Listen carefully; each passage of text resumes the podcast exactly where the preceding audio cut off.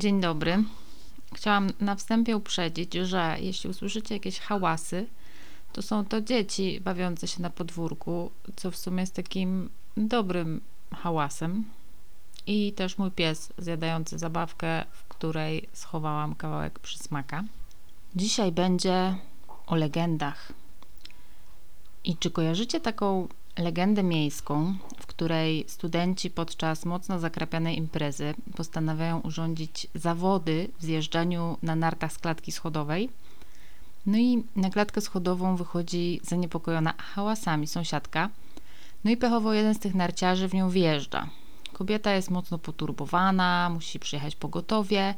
No i następnego dnia ci strapieni studenci postanawiają przeprosić sąsiadkę, idą z kwiatami, pukają do drzwi, otwiera jej mąż i mówi, że żona jeszcze do domu nie wróciła, ponieważ przechodzi właśnie badania psychiatryczne. No i studenci dziwią się, dlaczego, na co mąż odpowiada, że próbowała przekonać wszystkich, że została potrącona przez narciarza. Ho, ho, ho. No, dzisiaj jest to legenda z bardzo długą brodą i w ogóle, tak mi się wydaje, niezbyt taka smaczna. Ale jak byłam mała, mama mi opowiedziała tę historię, zamieniając studentów na lekarzy, a głównym bohaterem miał być jakiś tam znajomy jej znajomego. I ja oczywiście w tę historię uwierzyłam i opowiadałam wszystkim, jakie to grube imprezy urządzają lekarze. I dzisiaj chciałam powiedzieć właśnie trochę o legendach, ale o takich legendach z mojej rodziny, które są opowiadane niemalże z pokolenia na pokolenie. I nie chodzi o to, że one są nieprawdą, bo myślę, że raczej są prawdą, może trochę podkoloryzowaną gdzie niegdzie. Mówię o tym dlatego, że końcówka maja to zawsze był dla mnie taki miesiąc bardzo rodzinny, ponieważ 21 maja urodziny ma mój tata, potem 23 imieniny ma moja mama, 24 jest, są imieniny Joanny, potem 26 jest Dzień Matki, e, potem jest jeszcze Dzień Dziecka, też moje dwie najlepsze przyjaciółki z podstawówki, z gimnazjum miały urodziny pod koniec maja i na początku czerwca. No i jakoś tak mi się ten okres dobrze kojarzy, że są goście w domu, jeszcze kwitnie bez, kwitną konwalie, wszystko pachnie, las jest zielony, wiecie, ten żółty rzepak za oknem. I bardzo, bardzo lubię, nawet jak pada i nawet jak jest trochę zimno y, w tym maju. Zresztą właściwie to tak od połowy maja do końca sierpnia to jest mój ukochany okres w roku, i ja urodziłam się pod koniec lipca. No i właśnie pierwsza legenda rodzinna jest związana e, z moim narodzeniem, a właściwie są to dwie legendy. I pierwsza dotyczy tego, że jak moja mama była ze mną w ciąży, to na USG podobno wyszło, że nieprawidłowo e, rozwijają się u mnie kości czaszki. No i że generalnie z tej ciąży to za wiele nie będzie i żeby sobie mama tam nadziei nie robiła. Ale moja mama nie bardzo chciała tego słuchać. No a wiecie, to nie były takie czasy USG 4D, gdzie widać, jak dziecko po prostu się uśmiecha. Więc y, była to jakaś tam wielka niewiadoma, ale jakoś dotrwałyśmy obie do porodu, który miał się odbyć przez cesarskie cięcie. No i mama, moja mama leżała już w szpitalu tam kilka dni wcześniej na tak zwanym oddziale patologii ciąży. I podobno wszystkie przy, położne przychodziły oglądać, jak ja się przewracam w brzuchu z jednej strony na drugą. Bo moja mama była zawsze bardzo szczupła, no i ten ciążowy brzuszek też podobno miała malutki, ale bardzo dokładnie było widać ruchy dziecka pod skórą. No i słuchajcie, urodziłam się. Okazało się, że mam czaszkę. No i generalnie wszystko ze mną w porządku. I tutaj opowieść przyjmuje moja babcia, która zawsze opowiada, jak to odbierali mnie i mamę ze szpitala i jak to zostałyśmy wypisane na babci dowód, bo rodzice młodzi, beztroscy, nie mieli ze sobą żadnych dokumentów. I następnie jechaliśmy ze szpitala w Łodzi do moich dziadków do Kutna, dużym fiatem mojego dziadka. I ja dostałam w tym fiacie czkawki. I nic nie pomagało. Noworodek z czkawką, no wyobraźcie to sobie. Jakoś się udało dojechać do Kutna. No i ja chyba byłam dosyć mała, jak się urodziłam. I jak mnie dziadek zobaczył, no to podobno się trochę skrzywił, że takie małe dziecko. Ale potem tak popatrzył, popatrzył i mówi, i tu się spróbuję nie roześmiać, i powiedział, no może i mała, ale korpus to ma. No i tak zdałam egzamin z przyjścia na świat. I to jest taka opowieść o tym dowodzie i o czkawce, którą słyszałam naprawdę setki razy w swoim życiu i w sumie chyba jest wzruszająca. I moja babcia bardzo lubi wspominać różne sytuacje. No i między innymi bardzo lubiła wspominać e, nasze wspólne podróże pociągiem, bo moja babcia bardzo dużo się mną zajmowała, jak byłam mała i bardzo dużo podróżowałyśmy, głównie na trasie Kutno-Gostynin-Sochaczew. I to były jeszcze takie pociągi osobowe e, z czerwonymi plastikowymi siedzeniami. I moją ukochaną rozrywką w pociągu było liczenie koni za oknem, a w drugiej kolejności rysowanie w zeszycie babci, takim podróżnym zeszycie w metalowej oprawie. Ale niestety, jako dziecko, miałam też okropną chorobę lokomocyjną. No i mm, raz ta nasza podróż pociągiem skończyła się tym, że zwymiotowałam babci na bardzo podobno elegancki płaszcz. No i nie to, żeby mi ktoś wypominał do dzisiaj, ale e, no, babcia zapamiętała tę historię. W tych rodzinnych opowieściach jest też taka historia, jak moja mama i tata chcieli się dorobić na handlu jeansami na Węgrzech. Nie wiem, nie pamiętam dokładnie. W każdym razie yy, pojechali na te Węgry i ktoś ich oszukał, czy na kursie wymiany, czy na czymś innym i tak wrócili z niczym. No i właśnie to już było takie. Moja mama wyniosła z tego takie przeświadczenie, że do biznesu się nie nadaje. E, I jest też legenda o tym, jak moja mama zabrała mnie i mojego sąsiada Pawełka do teatru na Nomen Omen, legendę o Złotej Kaczce. A może to była baśń o Złotej Kaczce? I ta Złota Kaczka zrobiła na nas tak wielkie wrażenie, że następnego dnia Pawełek ubrał się do szkoły odwrotnie, to znaczy najpierw włożył bluzę, na to koszulkę i na to podkoszulek, a ja obudziłam się w nocy i zawołałam mamę. I moja mama, kiedy zapaliła światło i weszła do pokoju, odkryła, że siedzę na łóżku, zdjęłam spodnie od piżamy i próbuję na nogi wciągnąć przygotowaną na rano bluzkę z długim rękawem. No więc to widocznie sprawka złotej kaczki. I tak sobie myślę, że takie trochę żenujące, trochę śmieszne, a trochę wzruszające historie no, są w każdej rodzinie. I to są takie właśnie mity założycielskie. Moja babcia na przykład miała mnóstwo wojennych historii. Jak uciekała przed Niemcami, jak im zabrali ostatnią krowę, albo kiedy jej tata, czyli mój pradziadek, e, wrócił z niewoli i babcia go nie poznała. Tak strasznie po prostu wyglądał. I kurczę, mm, wydaje mi się, że pamięć o tym jest w jakiś sposób ważna. Że ważne jest, żeby sobie te historie przekazywać, że to jest jakieś takie pierwotne, plemienne. I jak byłam mała, to często prosiłam w ogóle babcia albo dziadka, żeby mi coś tam poopowiadali. Jak na przykład dziadek e, chodził pieszo do szkoły 9 kilometrów, albo jak nie miał na buty, albo jak Y, nie znalazł swojego nazwiska na liście przyjętych na studia i już myślał, że jego życie jest po prostu skończone. Albo jak babcia pojechała w delegację do Amsterdamu i za pieniądze z tej delegacji kupiła pomarańczę, którą jadła przez kilka dni po jednej cząstce, po kawałeczku.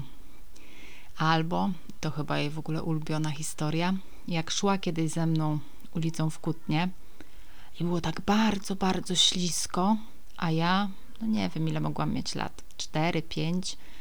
Trzymałam ją mocno za rękę i powiedziałam jej wtedy: Babciu, my to się musimy trzymać jak orzech z łupiną.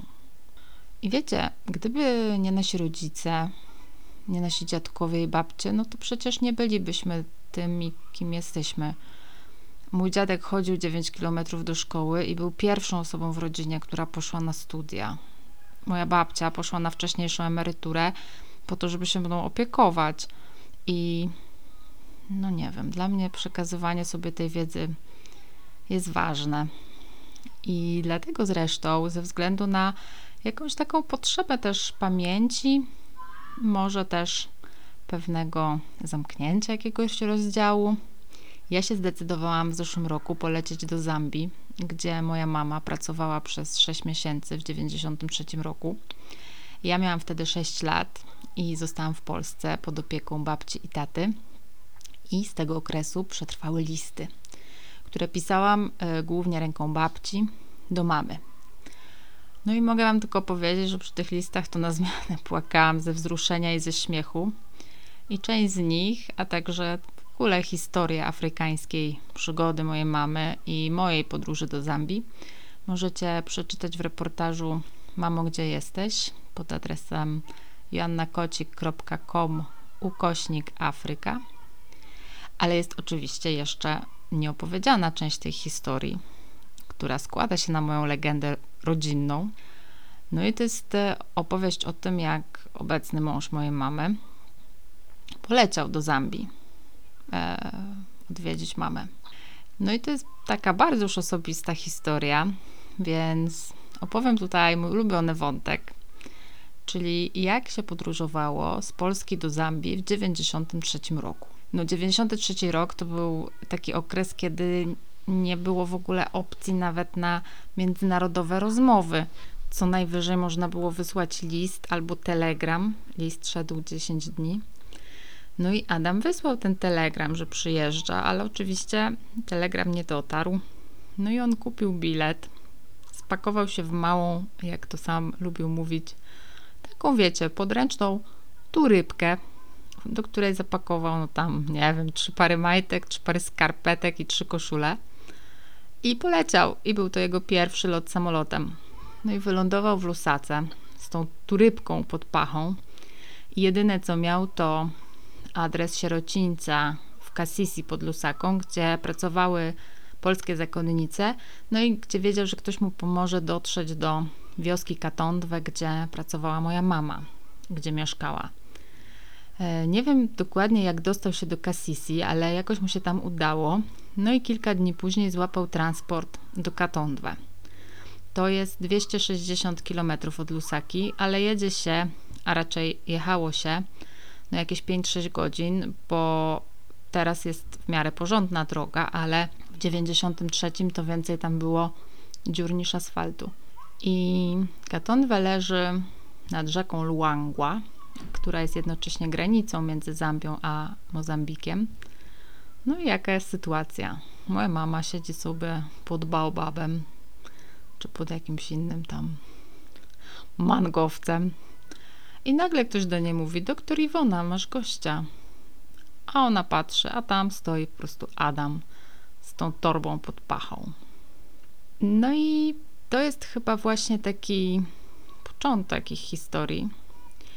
I u mnie w domu tych afrykańskich legend było zresztą mnóstwo. No, Afryka była u nas w domu takim mitem, wspomnieniem, z którego zostało tylko to, co dobre i do którego wraca się całe życie. I bardzo się cieszę, że spisałam chociaż część tej historii i odwiedziłam miejsce, które było mojej mamie tak drogie. I oczywiście zapraszam Was do przeczytania e, tego tekstu i obejrzenia zdjęć Maćka Stanika, który e, ze mną do Zambii w środku pandemii poleciał. I też dziękuję w ogóle mojej mamie, że podzieliła się ze mną tą historią i trochę szkoda mi czasami, że w sumie tak mało wiem o swojej rodzinie i że gdzieś musiałam sobie dorabiać własną opowieść do takich skrawków, jakichś zdjęć, jakichś urywków. I szkoda mi, że wiele historii po prostu już przepadło i odeszło wraz z ludźmi, i że często jedynym miejscem ich przechowywania jest nasza własna pamięć, i z nami już będzie trochę inaczej, bo duża część naszego życia jest gdzieś tam w sieci. Ale ja na przykład skasowałam mojego pierwszego bloga, spaliłam swój pierwszy pamiętnik. No i to już są rzeczy, które przepadły i są już nie do odzyskania. Dlatego wydaje mi się, że tworzenie i układanie historii jest ważne. I na przykład ja, kiedy byłam jeszcze e, w brzuchu mojej mamy, mój tata zaczął prowadzić taki dziennik, w którym pisał z perspektywy dziecka w łonie matki. I nie mam tych zapisków, ale wydaje mi się, że musiało to być jakieś fantastyczne, bo to w ogóle jakiś niesamowity zapis.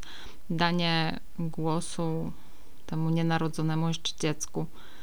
No albo na przykład listy. To też jest taka podróż w czasie i czasami mi trochę szkoda, że po nas no, materialnego już nic nie zostanie, bo nie sądzę, żeby ktoś kiedyś czytał zapisy naszych czatów na Messengerze. Więc y, nie wiem, czy prowadzicie albo prowadziliście, prowadziłyście dziennik, pamiętnik albo jakąkolwiek formę zapisków, ale bliska jest mi ta sztuka tworzenia wspomnień i życzę Wam bardzo, żebyście sobie tworzyli od czasu do czasu taką zewnętrzną pamięć, tak dla Was samych. I za 20 albo 30 lat sobie przeczytacie albo odsłuchacie, kim byliście i jacy byliście, byłyście. To mogą być bardzo różne formy. Niektórzy robią fotoksiążki e, z zabawnymi jakimiś podpisami, niektórzy kalendarze, niektórzy po prostu fit na Instagramie. Niektórzy przechowują szkolne zeszyty z wypracowaniami z polskiego. No i wydaje mi się, że fajnie coś takiego mieć. To jest takie zmaterializowane świadectwo tego, kim jesteście. I na pewno macie też swoje mity rodzinne. I jeśli chcecie się nimi podzielić, to piszcie w komentarzu albo po prostu je komuś opowiedzcie, tak żeby ta nitka się snuła, tak jak kiedyś. Yy tak jak kiedyś po prostu, tak jak kiedyś pieśni, tak jak kiedyś ludzie przekazywali sobie te opowieści o powstaniu świata, o wojnach, o bohaterach, tak jak powstała Iliada, Odyseja, Biblia, mitologie, baśnie i właściwie cały ten wszechświat e, literatury. I może się zrobiło tak trochę inaczej niż zwykle, ale może to właśnie przez to, że ten maj zawsze był dla mnie takim rodzinnym bardzo miesiącem. Udało mi się też ostatnio odwiedzić moją babcię, spotkać się z moim tatą po półtora roku prawie niewidzenia się, więc o Was też bardzo ciepło dzisiaj myślę. Bardzo Was ciepło pozdrawiam i do usłyszenia.